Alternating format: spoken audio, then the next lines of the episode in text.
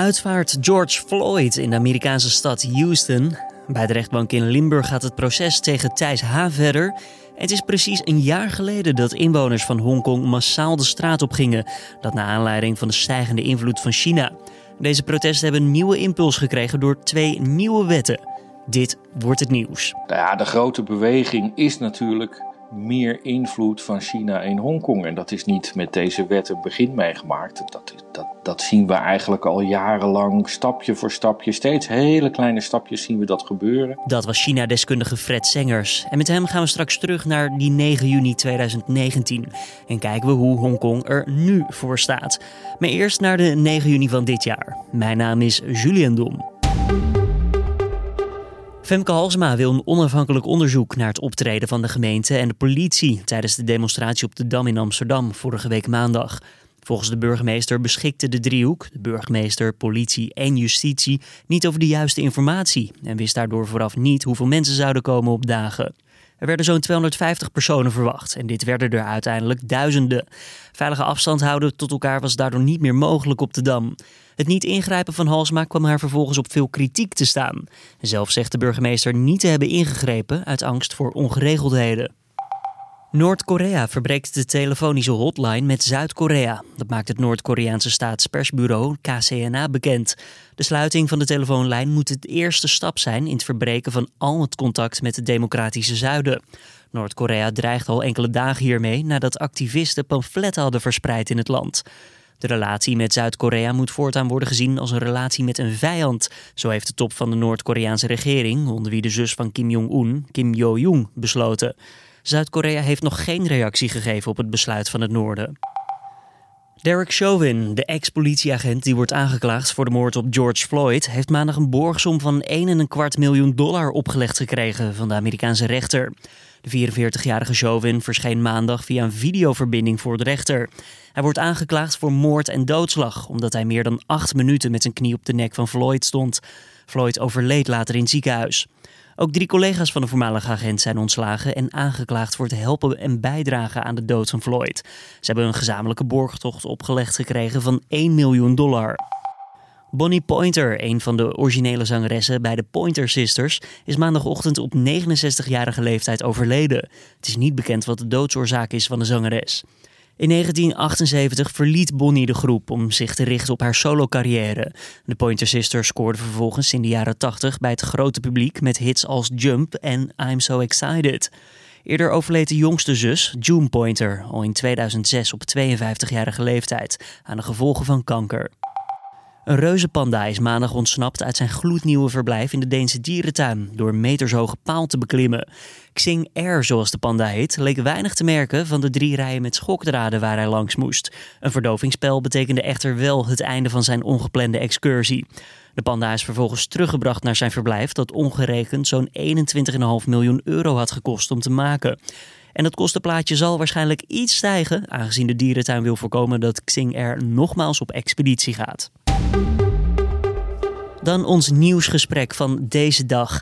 En daarvoor gaan we terug naar vorig jaar, 9 juni 2019. Toen lieten ruim een miljoen Hongkongers van zich horen in de straten. En dat omdat ze de invloed vanuit China steeds verder zagen oprukken.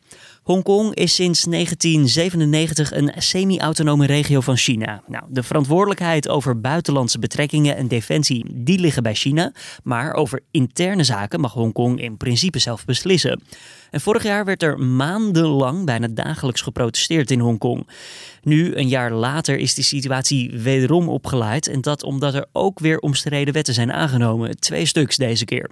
Eentje tegen het beledigen van het Chinese volkslied en één over de Chinese Veiligheidswet. Collega Carne van der Brink ging erover in gesprek met China-deskundige Fred Sengers. Hoe kijkt hij terug op de protesten van een jaar geleden en waar staan we nu op dit moment?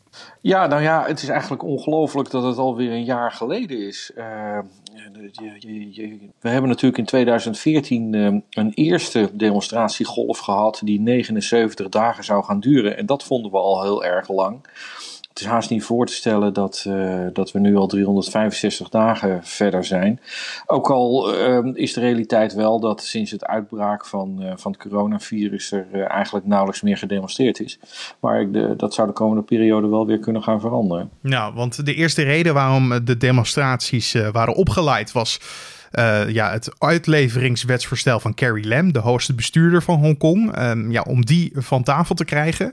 Uh, waar ging dat toen precies over? Ja, dat, de, de rare situatie doet zich voor dat uh, Hongkong al heel lang uitleveringsverdragen met allerlei landen heeft. Maar uitgerekend niet met, met een aantal landen in zijn nabijheid, zoals Taiwan, maar ook het Chinese vasteland. En daar wilde uh, de, het bestuur van, uh, van Hongkong en de Chinese regering graag een, een eind aan maken. Want je kunt je best voorstellen dat ja, als er criminelen zijn die hun heil zoeken in Hongkong, dat het vervelend is als die niet uitgeleverd kunnen worden. Maar de inwoners van Hongkong die, die, die dachten dat die wet niet alleen criminelen zou betreffen, maar uh, het ook mogelijk zou maken om uh, criticasters van het, uh, van het regime in Beijing uit te leveren. En, ja, dat beschouwden ze als een, een inbreuk op de autonomie en de vrijheden van Hongkong. En daarom ging men in eerste instantie de straat op. En na vele rellen, opgepakte demonstranten en bloedvergiet, besloot Lem na maanden dat ze het wetsvoorstel toch zou intrekken. Dat was alleen niet het einde van deze protesten. Wat wilden de demonstranten nog meer? Nou ja, in september trok zij uiteindelijk dat uh, omstreden uh, wetsvoorstel weer in. Maar de demonstranten vonden dat toen ja, too little too late, om in goed Nederlands te zeggen.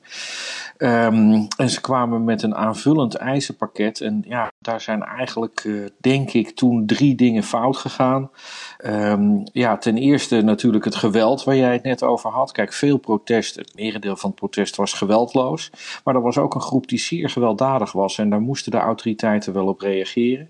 Daarnaast, ja, die demonstranten die kwamen dus met een aantal aanvullende eisen ja, zoals amnestie voor iedereen die gearresteerd was. Nou, er was inmiddels zoveel gebeurd op straat. Daar kon het bestuur gewoonweg niet op ingaan.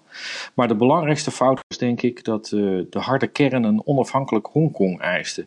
En dat was voor de machthebbers in Beijing echt een rode lijn. Wat ten koste van alles voorkomen moest worden. Dus uiteindelijk hebben ze in Beijing gedacht. Wie onafhankelijkheid nastreeft is geen gesprekspartner. Die moet gewoon worden uitgeschakeld. Want waarom is dat iets waar niet over te discussiëren valt? Het zou ten eerste natuurlijk een enorm gezichtsverlies voor voor, uh, uh, voor de leiders in, uh, in Peking betekenen als een deel van de bevolking zou zeggen: wij willen niet bij dit land horen waar het zo goed mee gaat, hè, waar dat economisch zo'n enorme ontwikkeling doormaakt. En ze zijn natuurlijk ook wel een beetje huiverig dat ja, er zijn nog meer regio's in China. Denk aan Xinjiang of Tibet, waar ze niet over moeten denken dat daar net zo'n onrust zou ontstaan als in Hongkong. Dus dat heeft zeg maar voor het gevoel van van de leiders in, in Beijing uh, hun handen gebonden.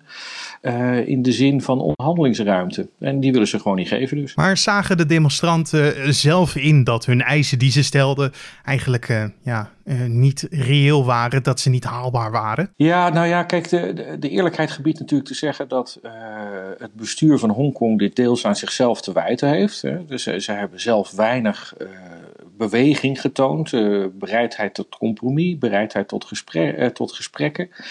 Ja, dat betekent natuurlijk ook dat mensen op een gegeven moment geen andere optie meer zien dan met hun voeten te stemmen en de straat op te gaan. Um, en ja, de, dat is ook heel legitiem. En, en nogmaals, het merendeel van de, uh, van de demonstraties was ook vreedzaam. Maar ja, op het moment dat er een groep is die denkt van wij kunnen eigenlijk alleen onze zin krijgen door de inzet te verhogen, door, door geweld te gebruiken, door de internationale media daardoor aandacht voor ons krijgt. Dat is natuurlijk een pad wat, wat risicovol is. Want het, het, op een gegeven moment is er voor, voor bestuurders geen ruimte meer om, om nog te bewegen. Voor zover die wil er al was hoor. Want de protesten gingen door en recent heeft het weer een nieuw leven gekregen door twee gebeurtenissen. Een wet dat je het Chinese volkslied niet mag beledigen. En een veiligheidswet vanuit China. Uh, en vooral die, dat laatste punt. Kan je dat voor ons uh, beknopt samenvatten? Ja, het woord beknopt is misschien een beetje lastig in deze context, maar ik zal mijn best doen, uh. Ja, kijk, de, de, de, wat, wat er besloten is op het Nationaal Volkscongres in, uh, in Beijing, is dat, uh, dat er in China een wetsvoorstel wordt geschreven voor een veiligheidswet voor Hongkong. En daar zou dan in moeten staan dat staatsondermijning, separatisme, hè, dus streven naar onafhankelijkheid, terrorisme en buitenlandse inmenging strafbaar wordt gesteld. Nou, die wet die moet nog geschreven worden, maar je kunt op basis hiervan wel nagaan wat dat ongeveer betekent. En uh, waarom is dit belangrijk? Omdat ja, in feite legt China deze wet aan Hongkong op en passeert daarmee het lokale parlement de LegCo. En dat is eigenlijk voor het eerst dat China zo open kaart speelt dat het vastbesloten is een een eind te maken aan de onrust in Hongkong en dat niet aan het lokale bestuur durft over te laten. Demonstranten en experts zeggen uh, dit zet de autonomie van Hongkong verder onder druk. Amerika ziet hierdoor ook Hongkong niet meer als autonoom. Hoe kijk jij hiernaar? Inderdaad, de eerste stap naar een grotere Chinese invloed in Hongkong? Nou ja, de grote beweging is natuurlijk meer invloed van China in Hongkong. En dat is niet met deze wet een begin meegemaakt. Dat, dat, dat zien we eigenlijk al jarenlang, stapje voor stapje. Steeds hele kleine stapjes zien we dat gebeuren. Soms door middel van wetten, soms van gewoon hoe het in de praktijk gaat. dus bijvoorbeeld eh, dat, dat allerlei mensen uit het pro-democratiekamp uitgesloten worden om zich kandidaat te stellen uh, voor, uh, voor vertegenwoordigende functies. Dat is ook zo'n belangrijke stap die al eerder genomen is. Dus helemaal nieuw is het niet. Deze grote beweging die is er al, al langer. Maar wat echt wel anders is nu, is dat er in, in, in Peking niet de, de indruk wordt gewekt van wij laten het aan het lokale bestuur en halen jullie maar de kastanjes uit het vuur. Nee, hier wordt echt een wet aan Hongkong opgelegd en dat hebben we nog niet eerder gezien. En als we kijken naar het timingaspect eh, van deze wetgevingen, uh, velen zeggen dit doen ze omdat de wereld toch druk is met hun eigen coronaproblemen. Is het een slim gekozen tijd? Ja, nou, het belangrijkste reden is denk ik dat ze, dat ze het in Beijing spuugzat waren hoe het daar ging. En dat ze geen andere mogelijkheid zagen uh, om, om hier een einde aan te maken op hun voorwaarden. Uh, maar het is zeker waar dat uh, ja, de wereld is met hele andere dingen bezig momenteel dan, uh, dan de, de toekomst van Hongkong. En dan heb ik het natuurlijk over de coronacrisis. Waarbij we trouwens ook um, in belangrijke mate afhankelijk zijn van China. Hè. Denk aan de levering van beschermend, beschermende kleding of, of medische apparatuur, mondkapjes, dat soort dingen. Um, dus daar, daardoor voelt men zich in, in, in Beijing misschien wel wat sterker staan dan, uh, dan een paar maanden geleden. Um, en dan hebben we natuurlijk nog die, uh, die, die ruzie eigenlijk, die voortdurende ruzie tussen de Verenigde Staten en China. Waarbij men denk ik in, uh, in Beijing een afweging heeft gemaakt van ja, de verhoudingen zijn toch al zo slecht. En Amerika probeert ons te raken waar ze kunnen. Dan kan dit er op dit moment misschien ook nog wel bij. En als je kijkt nu naar de nieuwe wetgevingen die worden geïnitieerd vanuit China. En altijd de consequenties daarvan. Denk je dat het een rol van betekenis gaat hebben voor de positie bijvoorbeeld van Hongkong als zakencentrum? Ja, dat wordt natuurlijk wel gesuggereerd vanuit de Verenigde Staten, hè, doordat ze een aantal uh, uh, privileges willen afpakken van Hongkong en zeggen van ja, uh, als jullie de facto geen autonomie hebben, dan behandelen we jullie net zo als het Chinese vasteland. Ja. Nou, de vraag is natuurlijk hoe ver die, hoe verrijkend die consequenties zullen zijn. Ja, ik denk zelf, kijk, de, de importantie van Hongkong als productie- en distributiehaven die is de afgelopen jaren echt enorm afgenomen. Om de simpele reden dat het veel eenvoudiger is om rechtstreeks met China zaken te doen. toen Hongkong in 97 door het Verenigd Koninkrijk aan China werd overgedragen, toen was Hongkong verantwoordelijk voor 15% van het bruto nationaal product van heel China. dus daar kun je wel nagaan hoe belangrijk dat toen was. En nu is dat nog maar 3%. Dus in, in, in handelstermen is Hongkong veel minder belangrijk geworden. En daar, daar zullen die maatregelen van de Verenigde Staten dus minder effect hebben. Maar op één vlak is Hongkong nog steeds super belangrijk voor China. En dat is als financieel centrum.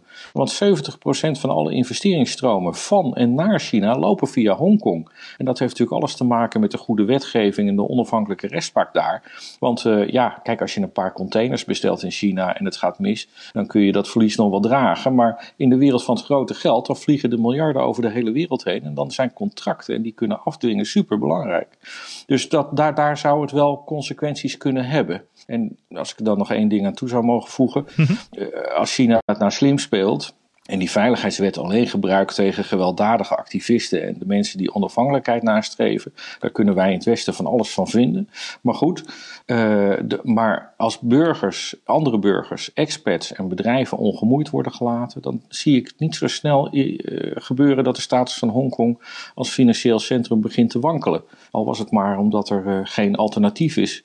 Dus op het moment dat expats en bankiers het doelwit van deze wet worden, ja, dan zullen bedrijven hun knopen tellen en hun werknemers daar niet aan bloot willen stellen. Um, volgens persbureau Reuters zullen vandaag eh, demonstranten zich weer verzamelen om tegen China te protesteren. Althans, die oproep is er. En zijn we dan weer terug bij af? Ja, eh, ik ben daar eigenlijk eh, net zo benieuwd naar als jij. Want ehm, de, de grote vraag is: is de beweging nog in staat om zulke grote mensenmassa's op de been te brengen als, uh, als vorig jaar?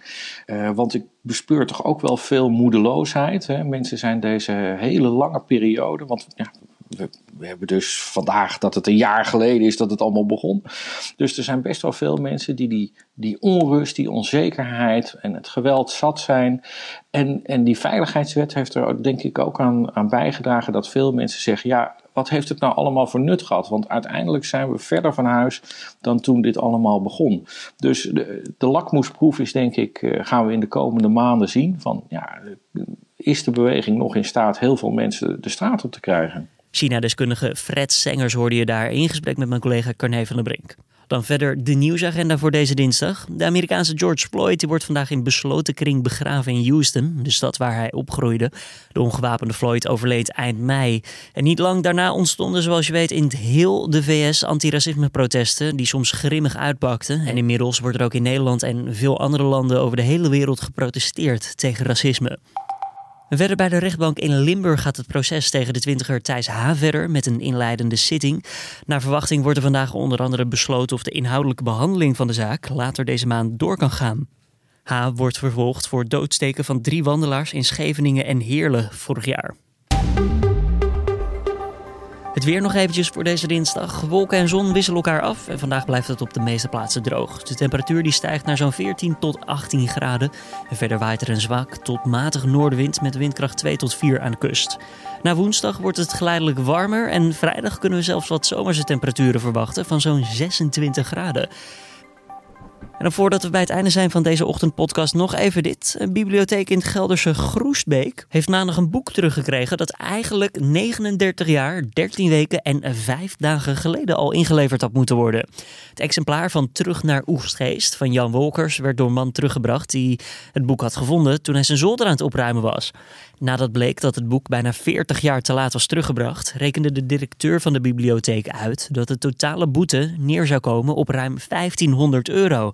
Dat was in ieder geval als er geen maximumboete van 5 euro gehanteerd zou worden. Maar omdat het boek niet in het digitale systeem van de bibliotheek stond, kon er überhaupt geen enkele boete worden uitgegeven. Nou, dit was dan de Dit wordt het nieuws ochtendpodcast voor deze dinsdag 9 juni. Tips of feedback zijn altijd welkom. Podcast@nu.nl kan je dat naartoe sturen. Dan wens ik je voor nu een hele fijne dag. Vanmiddag is mijn collega Carne van der Brink er weer. Mijn naam is Julian Dom en ik spreek je morgenochtend weer.